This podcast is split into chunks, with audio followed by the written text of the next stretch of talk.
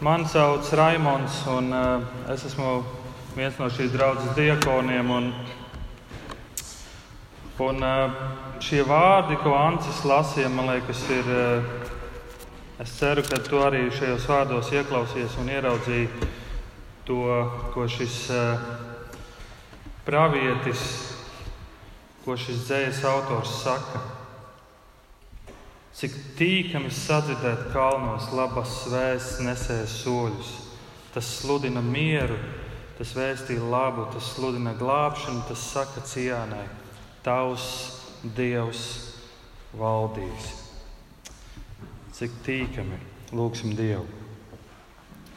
Debes Tēvs, mēs pateicamies Tev par šo jauno dienu un eh, par jaunu svētdienu, kad mēs varam domāt par Tavu vārdu. Un es ļoti lūdzu, ka Tu šodien mūs māci un uh, atgādina lietas, ko esam aizmirsuši, un velc mūs atpakaļ tuvāk sev, lai mūsu kristietība ir realitāte un, uh, mūsu ikdienā, lai mūsu liecība ir par to, ka tu, kungs, valdi, ka tu esi ķēniņš Jēzu un ka tu valdi un kā tu valdi. Jā, svētī savu vārdu šodien. Āmen.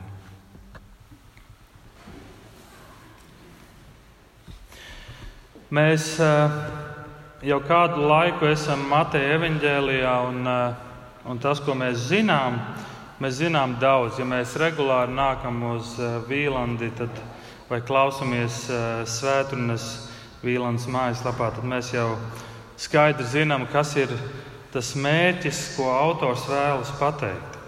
Un, un Matejs grib parādīt, ka ir atnācis ķēniņš. Un tas ir Jēzus. Jēzus, kas ir jūdu ķēniņš. Mēs tikko nosvinējām Palmu svētdienu un uh, kopā ar brāli Marku aplūkojām, kāds ir šis ķēniņš. Mēs aplūkojām un redzējām, ka viņš ienāca uz ēzeļa, kas norāda uz to, cik pazemīgs viņš ir. Un pagājušajā svētdienā mēs svinējām visa kristīgā pasaule svinēja Jēzus augšām celšanās svētkus. Un, uh, mēs svinējām, un mēs teicām, iespējams, mēs teicām, ka mūsu ķēniņš ir augšām cēlies. Un, iespējams, mēs to teicām ar lielu prieku un atkal atgādinājām to viens otram, iespējams, nē, bet lūk, mūsu ķēniņš. Viņš mirst par maniem un taviem grēkiem un viņš augšām ceļas. Jo tik ļoti Dievs pasauli ir mīlējis, tik ļoti, ka Viņš devis savu vienpiedzimušo dēlu, lai neviens, kas viņam tic, nepazustu, bet dabūtu mūžīgo dzīvību. Lūk, mūžīgās dzīvības cena - nāve. Lūk, kāds ķēniņš. Un šodienas rakstu vietā Mēs turpināsim iet, un mēs mazliet aplūkosimies, kur tad mēs ar mācekļiem kopā esam bijuši, ko mēs esam piedzīvojuši. Bet šodienas rakstu vietā mēs uh, uh, ieraugam, ka mēs joprojām atrodamies ļoti skaistā apvidū, Galilejas apvidus. Ja kāds no jums ir bijis Izrēlā un, uh, un siltā laikā, un tu esi bijis pie, šī, pie šīs Galilejas jūras, kas patiesībā ir ezers, tad tu pamanīsi, cik šis apvidus ir skaists. Mēs esam bijuši kopā ar mācekļiem un Jēzu Bēcaidā, pilsētā, kas ir pretēji Kapernaumai. Un mēs šajā vietā piedzīvojam, ka Jēzus pabaro 5000. Un tā ir vieta, kur mēs ar atvērtām mutēm varējām raudzīties uz šo brīnumu, klausīties Jēzus vārdos un ēst šo maizi. Un šajā raksturvietā, šajā notikumā ir viens vārds, kas saka, ka Jēzus ieraugot šos visus cilvēkus, viņš iežēlojās. Lūk, kā valda šis jaunais ķēniņš. Viņš iežēlojas. Vēlāk mēs kopā ar mācekļiem no šīs, no šīs vietas dodamies pāri jūrai. Jēzus sūta mācekļus vienus pašus, šoreiz bez Jēzus. Un, protams, kā nu nē, mācekļi piedzīvo vētru. Mēs esam kopā ar viņiem šajā laivā. Mēs dodamies pāri un pēkšņi mācekļi pamana, ka spoks staigā pa jūras, pa ūdens virsmu. Izrādās, tas nav spoks, bet tas ir pats Jēzus, kas liek mācekļiem jautāt šo jautājumu, kas viņš tāds ir. Un šajā reizē, kad mēs skatījāmies to, mēs piedzīvojām un redzējām daudzus brīnumus, kur viens no tiem ir Jēzus staigā pa ūdens virsmu.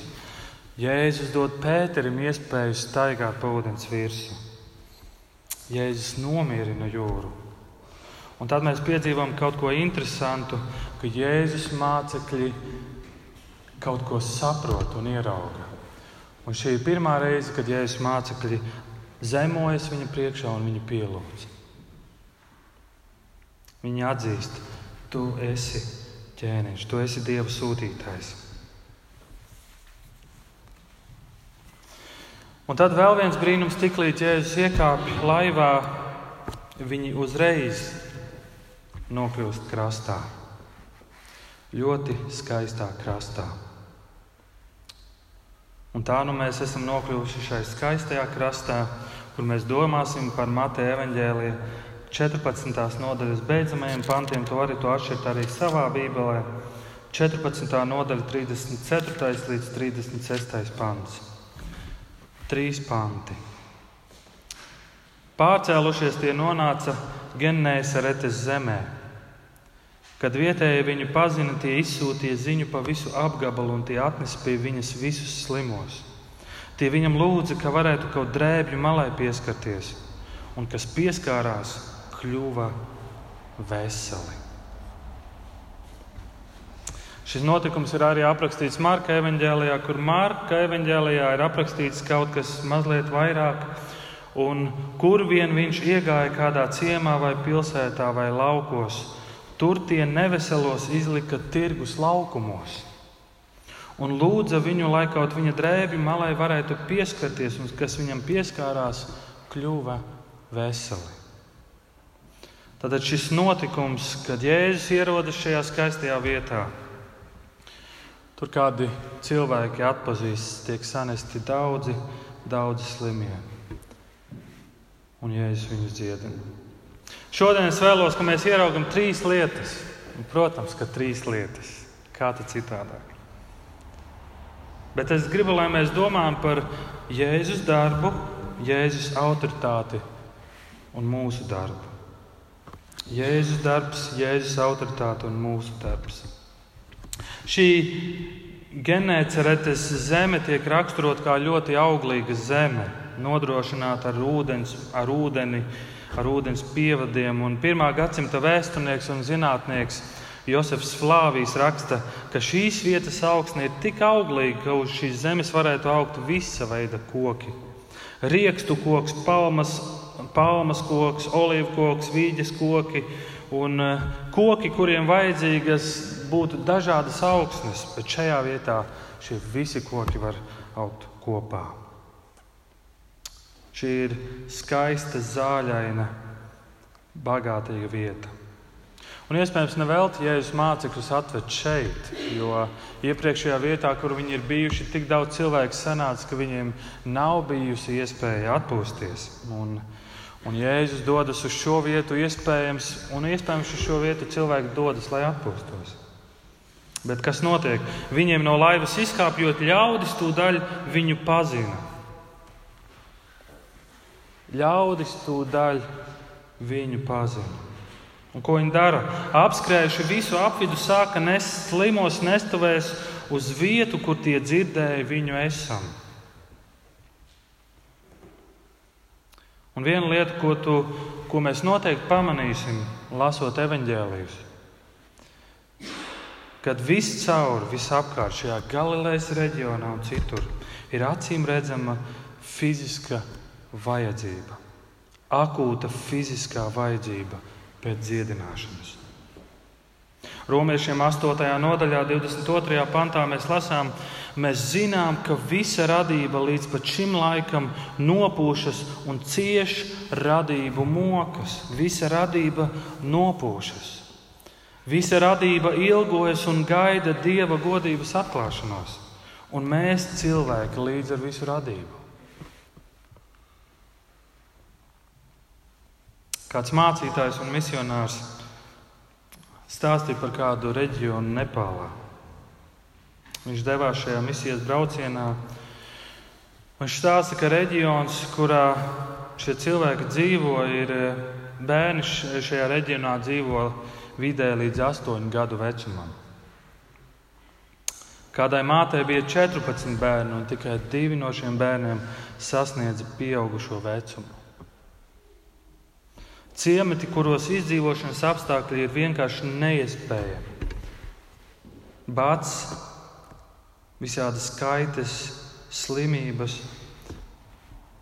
kādi uz tā rēķina uzdzīvo ar cilvēku tirdzniecību. Vecākiem no šiem ciematiem tiek apsolīts, ka,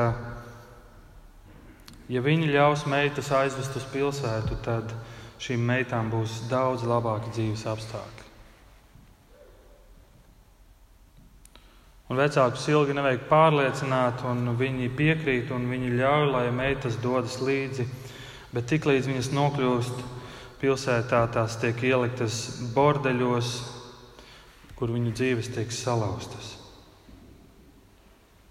Šajos ciemos budisms ir galvenā reliģija, un daudz iespējams no viņiem nemaz nav dzirdējuši par Jēzu. Un tad šis misionārs stāsta, ka tur ir kāds jauns zēns, kurš ir piesiets pie, ar ķēdēm pie šķūņa un atrodas visu laiku ārā kā tāds suns. Jo pilsētas vecākais uzskata, ka zēns ir ģimenes lāsts. Meitenes stāv pie bordeļiem un aicina tevi iekšā, jo domā, ka vēlēs to pašu, ko visi pārējie klienti. Savus mirušos viņi sadedzina un pelnus izkaisa upē ar cerību, ka viņi pārtaps par kaut ko labāku. Un tas ir šodien. Nepāla. Un, ja mēs tur būtu, tad mēs redzētu šo cilvēku acīs šo kritisko, fizisko un garīgo vajadzību. Un jautājums, kā tu reaģēji un kā tu atbildi uz šo akūti fizisko un garīgo vajadzību?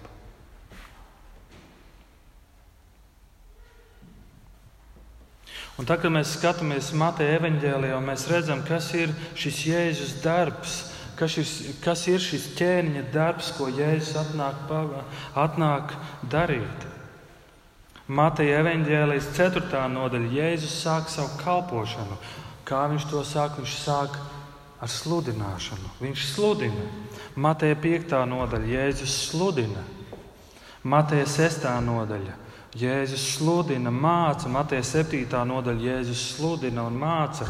Mateja 8. nodaļa Jēzus dziedina spitālīgo, Jēzus dziedina centuriona kalpu, Jēzus daudzus dziedina, Jēzus dara brīnumus, Jēzus apsauc vētru, Jēzus dziedina daudzus apsēstos. Mateja 9. nodaļa Jēzus dziedina paralizēto, Jēzus māca atkal, Jēzus dziedina Jaira meitiņu, Jēzus sievi, dziedina sievieti ar asins teci. Jēzus dziedina divus aklos, Jēzus dziedina mēmo.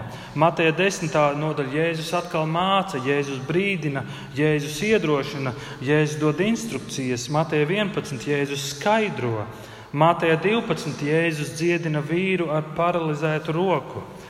Jēzus atkal māca, Jēzus sludina. Mateja 13. Jēzus sludina, Jēzus skaidro un māca. Mateja 14. Jēzus dara brīnumus, pārādina 5000. Jēzus staigā pa jūras virsmu. Un atkal šodien mēs redzam, Jēzus atkal dziedina. Jēzus atnāk, šis ķēniņš atnāk. Viņš sludina labās ziņas, un viņš dziedina.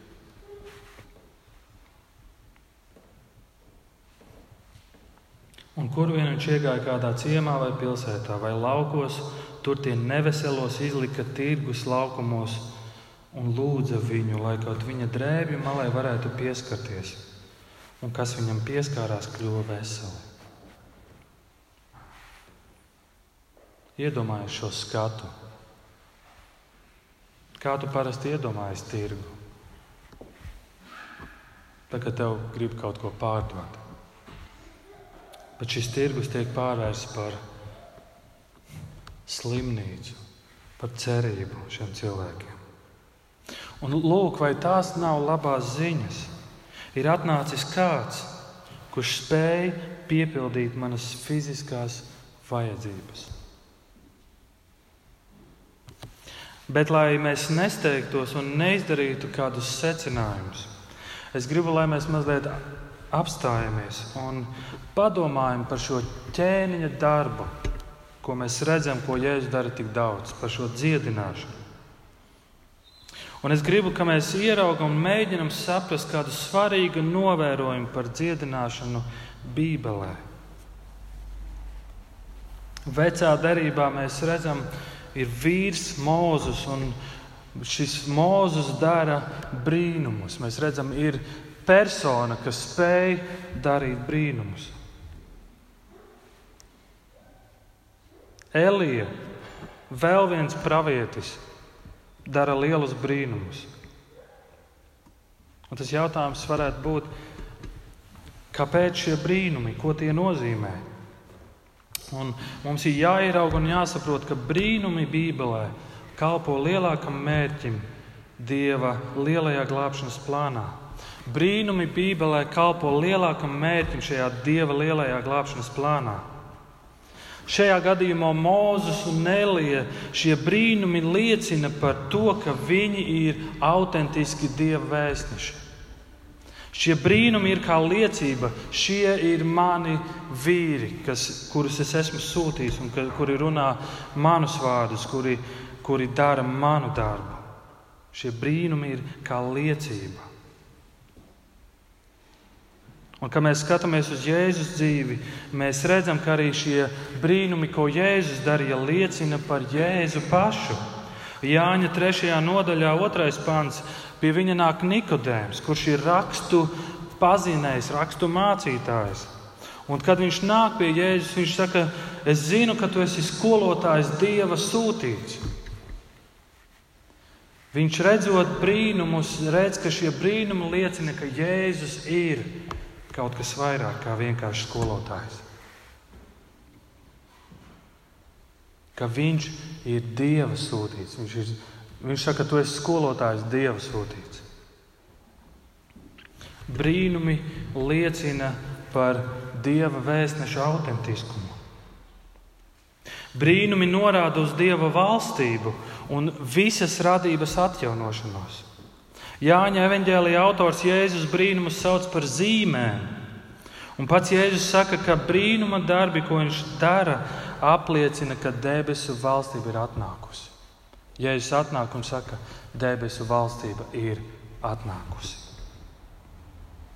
Tims Kellers, mācītājs Ņujorkā, saka šādus vārdus, ka brīnumi ved mūs nevis uz intelektuālu apziņu, bet gan uz pielūgsmi, apbrīnu un bību.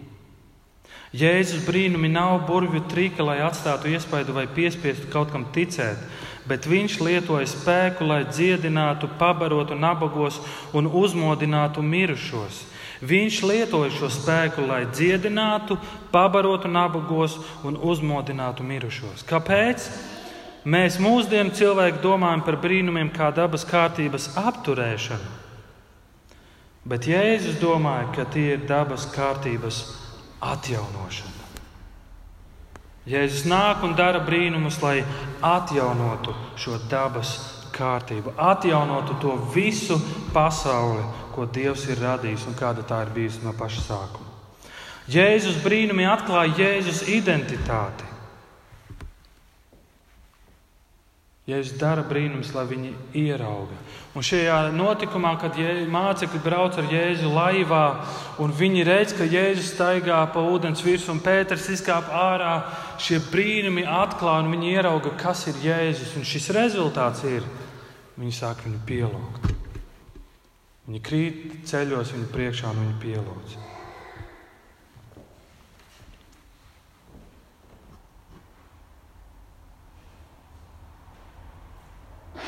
Brīnumiem, brīnumi tiek darīti, brīnumiem ir nozīme. Dievs dara brīnumus ar nozīmi. lai atklātu sevi.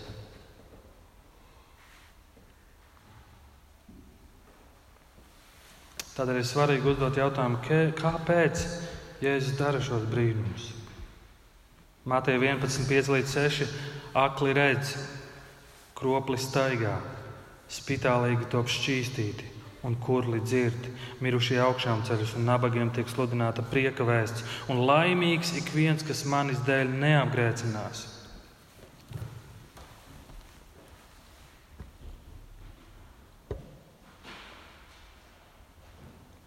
Mūsu, pasaules, mūsu pasaulē ir divas akūtas vajadzības.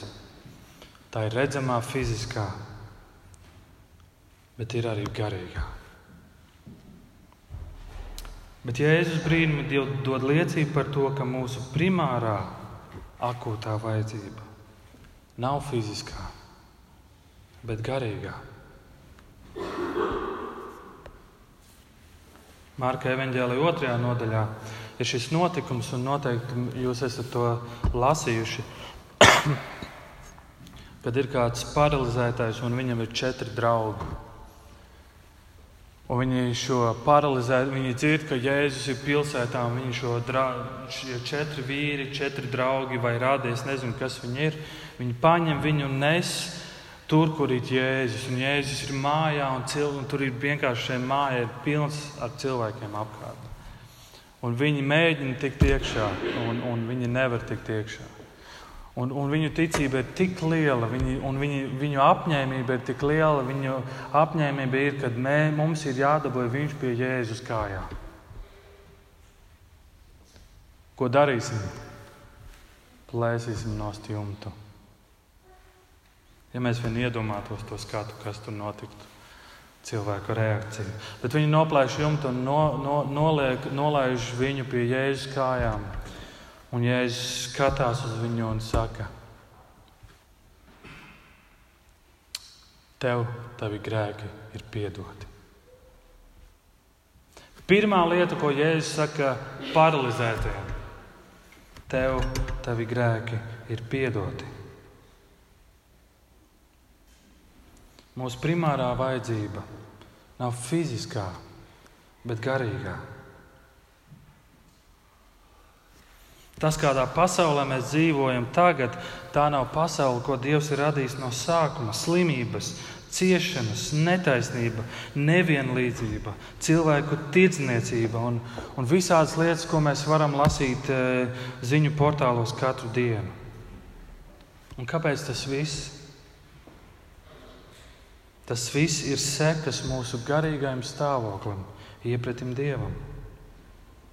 Un tāpēc Jēzus zina, ka mūsu primārā vajadzība ir sakārtot un atjaunot attiecības ar Dievu. Mūsu primārā vajadzība ir sakārtot, atjaunot attiecības ar Dievu.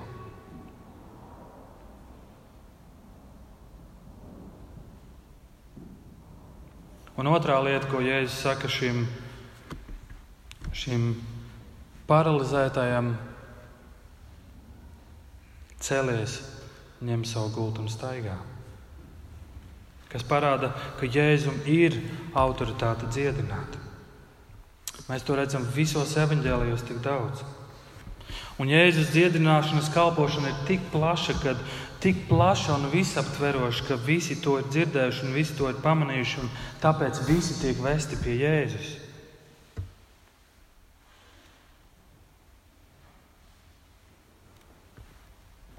Lūk, patiesi labās ziņas. Nāk ķēniņš, kurš nāk un dziedina, parādot ar šo dziedināšanu, kas ir Dieva patiesais mērķis - atjaunot attiecības ar Dievu.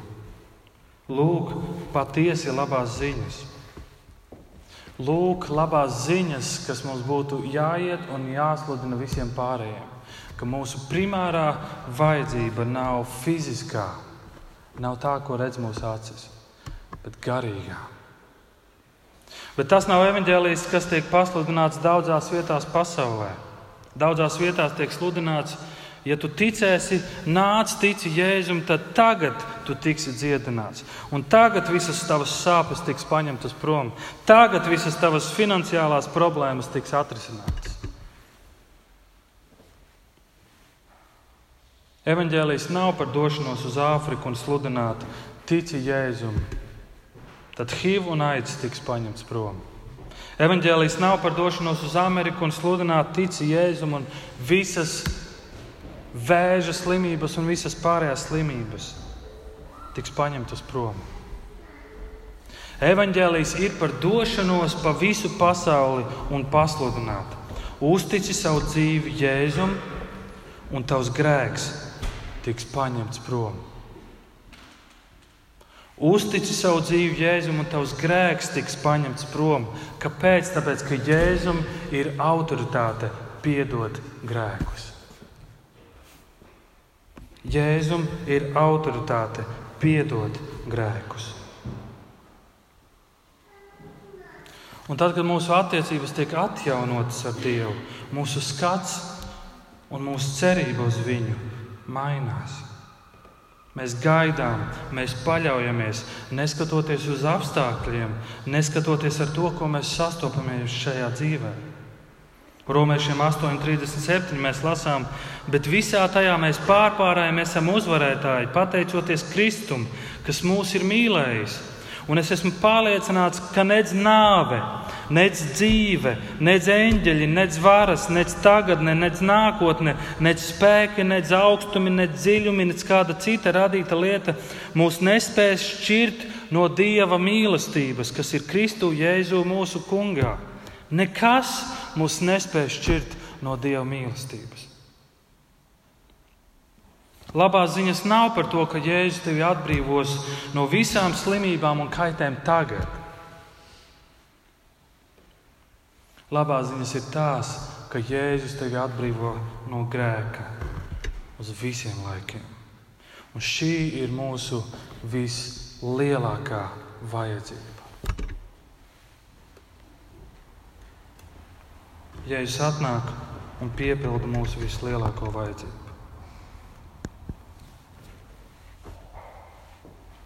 Mēs redzam Jēzus darbu, mēs jēz, redzam Jēzus autoritāti, piedot grēkus. Un tad šajos pantos ir viens pants, kas liek domāt, kas ir mūsu darbs. Kad vietējie viņu pazina, tie izsūtīja ziņu pa visu apgabalu, un tie atnesa pie viņa visus slimos. Daudzi dzirdēja par Jēzu un par viņa spēju dziedināt. Daudz uzreiz Jēzu pazina, daudz iespējams ir redzējuši, kā Jēzus dara citus brīnumu darbus. Daudz ir redzējuši, kā Jēzus dziedina, daudz ir iespējams redzējuši par sievieti, redzējuši, ko viņš ir darījis ar sievieti, par ko aprakstīts Mateja 9. nodaļā, ka viņa tikai pieskarās drēbi vīlai, un viņa tiek dziedināta. Lai kāda ir bijusi šo cilvēku motivācija, Jēzus iežēlojas. Viņš ļauj, ka viņam pieskaras, un viņš dziedina. Es domāju, ka Jēzus noteikti bija noskumis par tiem, kas neko vairāk par fizisku dziedināšanu nav vēlējušies. Viņš neliedza viņam maizi un zivi pat tad, kad viņi nejautāja pilnu porciju.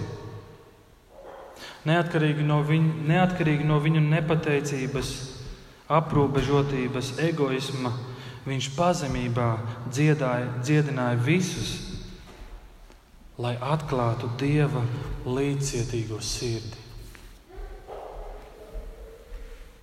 Jēzus dziedināja visus, lai atklātu Dieva līdzcietīgo sirdi.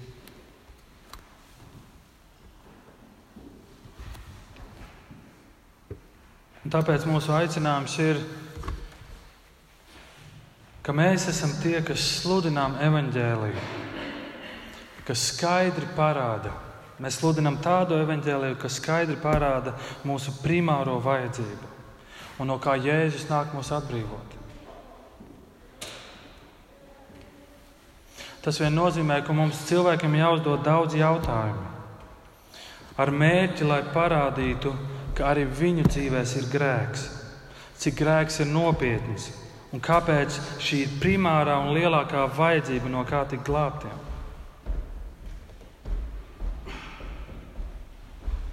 Sagatavot svētkrunu svētdienai, tas prasa daudz laika sagatavot svētdienu svētdienai ir ļoti svarīgi. Bet es esmu sev uzdevis jautājumu, cik daudz laika es pavadu, lai sagatavotu sevi ikdienai un būtu gatavs ikdienā saviem kaimiņiem, saviem kolēģiem, saviem radiem pastāstīt šīs labās ziņas un parādīt cilvēkiem, kas ir viņu primārā vajadzība. Kā ir ar tevi? Kā ir ar mums? Kad ir bijusi pēdējā reize, kad tu esi centies mērķiecīgi ar kādu satikties, kādu aicināt, lai pastāstītu kādam evaņģēliju un kas ir evaņģēlīja būtība? Mūsu aicinājums ir, ka mēs esam kā šie cilvēki, kad mēs pazīst, pazīdami Jēzu, mēs vienkārši ejam pa visiem apgabaliem un aicinam tos, kuriem ir vajadzīgs šis pieskāriens. Kuriem ir vajadzīgs šis pieskāriens pie Jēzus drēbes vīles un tikt atjaunotiem. Mūsu aicinājums ir darīt visu, lai Jēzus spēks ir redzams fizisko vajadzību pasaulē. Jā, mēs ejam un sludinām evaņģēliju, un tas ir mūsu uzdevums, un mums ir jānorāda, kas ir mūsu primārā vajadzība. Bet, ja kādam trūkst maize, vai ja kādam trūkst ūdens, ja kādam trūkst medikamenti vai kāda cita fiziska vajadzība, tad mums ir iespēja parādīt Jēzus līdzcietību, Dieva mīlestību un Dieva spēku. Un tas ir mūsu aicinājums šodien, kā Jēzus sekotāji. Darīsim to, darīsim visu iespējamo, lai Jēzus spēks ir redzams šajās, šajā fizisko vajadzību pasaulē. Būsim neatlaidīgi evaņģēlijas sludināšanā ar stipru ticību. Lai mums ir tik stipra ticība, ka mēs esam gatavi savest grēcinieku ar Jēzu. Romiešiem 1. nodaļā, 16. un 17. pāns. Es nekaunos evaņģēlijā, tas ir Dieva spēks pestīšanai ikvienam, kas tic, jūdam vispirms un arī grieķim, jo tajā Dieva taisnība atklājas no ticības uz ticību, kā ir rakstīts, taisnais no ticības dzīvos. Ticēsim evaņģēliem, Ticēsim tam, kas mums ir dots, ticēsim šai vēstī, ko Jēzus mums ir pasludinājis, kas ir mūs izmainījis, un iesim un nesīsim to tālāk. Tas ir mūsu uzdevums. Ja tu tici, ka Jēzus ir izmainījis tavu dzīvi, ka evaņģēlijs ir Dieva spēks, ko tu ar to darīsi? Mēs savā ikdienā tik daudz nodarbojamies ar plānošanu. Paceliet roku, kuram ir mājās, kuri lieto kalendāru, plānojot savu laiku. Lielākā daļa. Un iespējams, jūs lietojat kaut ko citu. Un, un mēs plānojam savu dzīvi, plānojam savu laiku, mēs visādas stratēģijas izstrādājam. Bet vai mums ir laiks izstrādāt stratēģiju, kā aizsniegt jaunus cilvēkus Kristumu? Manā personīgajā dzīvē, mūsu draudzes dzīvē. Vai mēs laiku veltam tam, ka mēs domājam mērķiecīgi, ko es varu darīt vēl, lai vēl vairāk cilvēkiem pastāstītu evaņģēliju un parādītu, ka visakūtākā problēma ir tava garīgā problēma, glābšana no grēkiem. Mūsu dzīvēs ir vecāki, brāļi, māsas, kaimiņi, draugi, radi, kas vēl nepazīst Jēzu. Tāpēc nepārtrauksim ticēt evaņģēliem. Nepārtrauksim lūgt, nepārtrauksim lūgt un teikt, Dievs, maini viņu dzīves, Dievs glāb viņus, Dievs glāb viņus. Un Dievs palīdz man ticēt, palīdz, lai man ticība aug un kļūst vēl stiprāka. Un vēl viens aicinājums, uz ko mēs esam aicināti.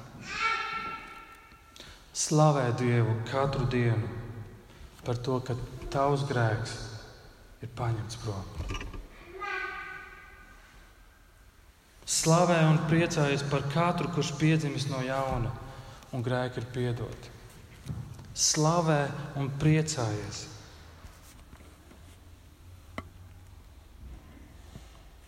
Slavē un priecājies.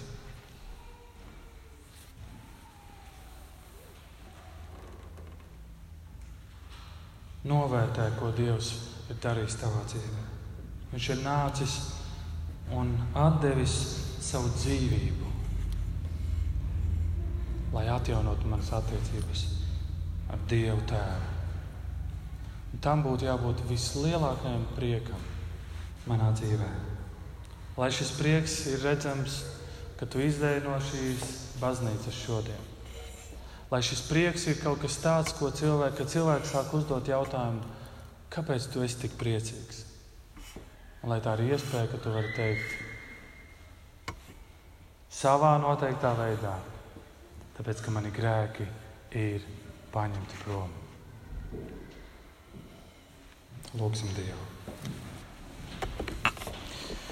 Debes Tēvs, mīļais Jēzus, mēs pateicamies par Tavu darbu, ko Tu esi darījis. Mēs pateicamies Jēzus par darbu, ko Tu dari. Mēs pateicamies, ka Tev ir autoritāte piedot grēkus. Es ļoti lūdzu, lai tas ir mūsu prieks, tas ir mūsu iedrošinājums. Un tā ir mūsu motivācija iet pasaulē un darīt visu, kas ir mūsu spēkos. Plānojot, domājot, lūdzot, aizlūdzot, meklējot, aicinot. Un lai mēs varētu vest cilvēkus pie tevis, Jēzu, ka viņi kaut spētu pieskarties drēbi vīlē un tikt dziedināti.